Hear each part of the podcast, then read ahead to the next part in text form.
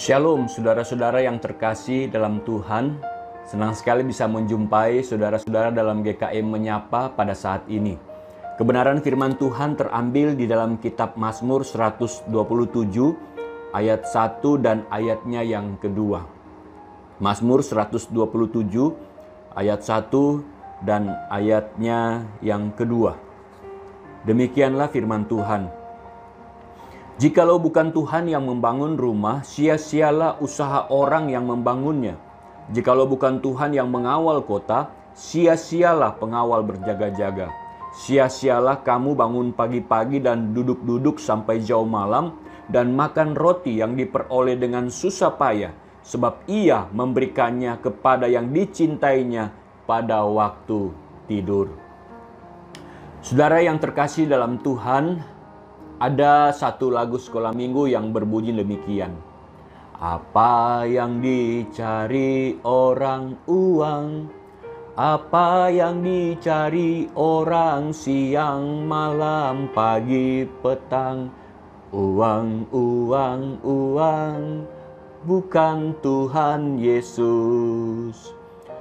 Saudara-saudara dari kalimat lagu ini kalau kita mau jujur, manusia hampir sebagian besar hidupnya mencari apa yang menurutnya dia inginkan, khususnya dalam hal ini materi atau uang. Hal tersebut sangat wajar karena mana ada orang yang hidup tidak butuh kebahagiaan, kenyamanan, terlebih lagi materi atau kekayaan. Sehingga tidak heran saudara-saudara banyak orang yang sampai stres, sampai badannya kurus, hanya untuk mengejar apa yang dia inginkan, sehingga membuat dia lupa makan, lupa waktu, lupa keluarga, lupa pelayanan, bahkan lupa untuk bersekutu dengan Tuhan. Nah, sehingga secara umum saya bisa menyimpulkan bahwa ada tiga hal yang banyak dicari oleh semua orang di dunia ini, yaitu kebahagiaan, kenyamanan, dan kekayaan. Nah, saudara-saudara, sebagian besar orang berpikir Kebahagiaan bisa didapat ketika punya uang, mobil, membangun rumah mewah, jabatan yang bagus, istri yang cantik, atau memiliki suami yang ganteng. Kenyataannya, banyak orang kaya yang hidupnya tidak bahagia dan merana, selebritis kawin cerai karena perkawinannya tidak bahagia, padahal mereka serba berkelimpahan dan memiliki wajah yang cantik dan ganteng. Jadi kita dapat melihat bahwa mencari kebahagiaan dunia adalah sesuatu yang sia-sia karena semua hanyalah bersifat sementara. Selanjutnya orang juga mencari yang namanya kenyamanan. Saudara kalau bicara namanya kenyamanan dulu kota Manado terkenal sebagai kota yang selain aman juga nyaman. Aman dari perampokan dan nyaman karena tidak semacet atau tidak sepadat sekarang ini. Namun saudara-saudara, di mana pun tempat engkau mencari kenyamanan, kita tidak akan pernah dapat menemukannya. Bisa saja suatu waktu nyaman, tapi mungkin ada saatnya tidak lagi ada kenyamanan di tempat itu. Nah selanjutnya orang juga mengejar yang namanya kekayaan. Kita mengenal Salomo adalah seorang raja yang sangat kaya raya. Bahkan kekayaannya dikatakan Alkitab dalam satu Raja-Raja 10 ayat 23, ia melebihi semua raja di bumi.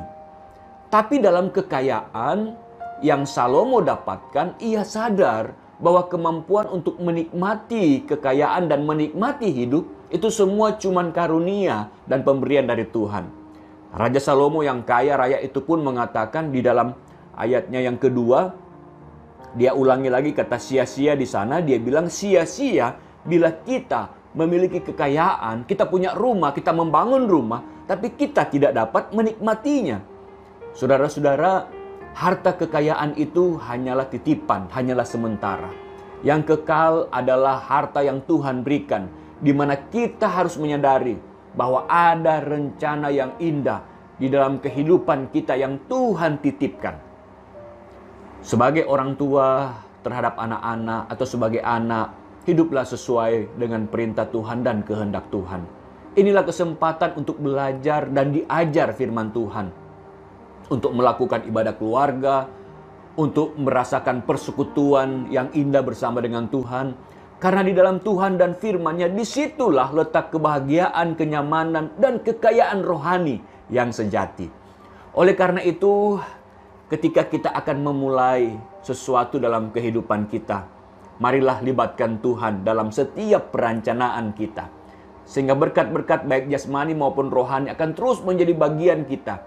Dan kita diberikan berkat sukacita dan damai sejahtera ilahi oleh Tuhan. Tuhan Yesus kiranya memberkati dan memampukan kita. Amin.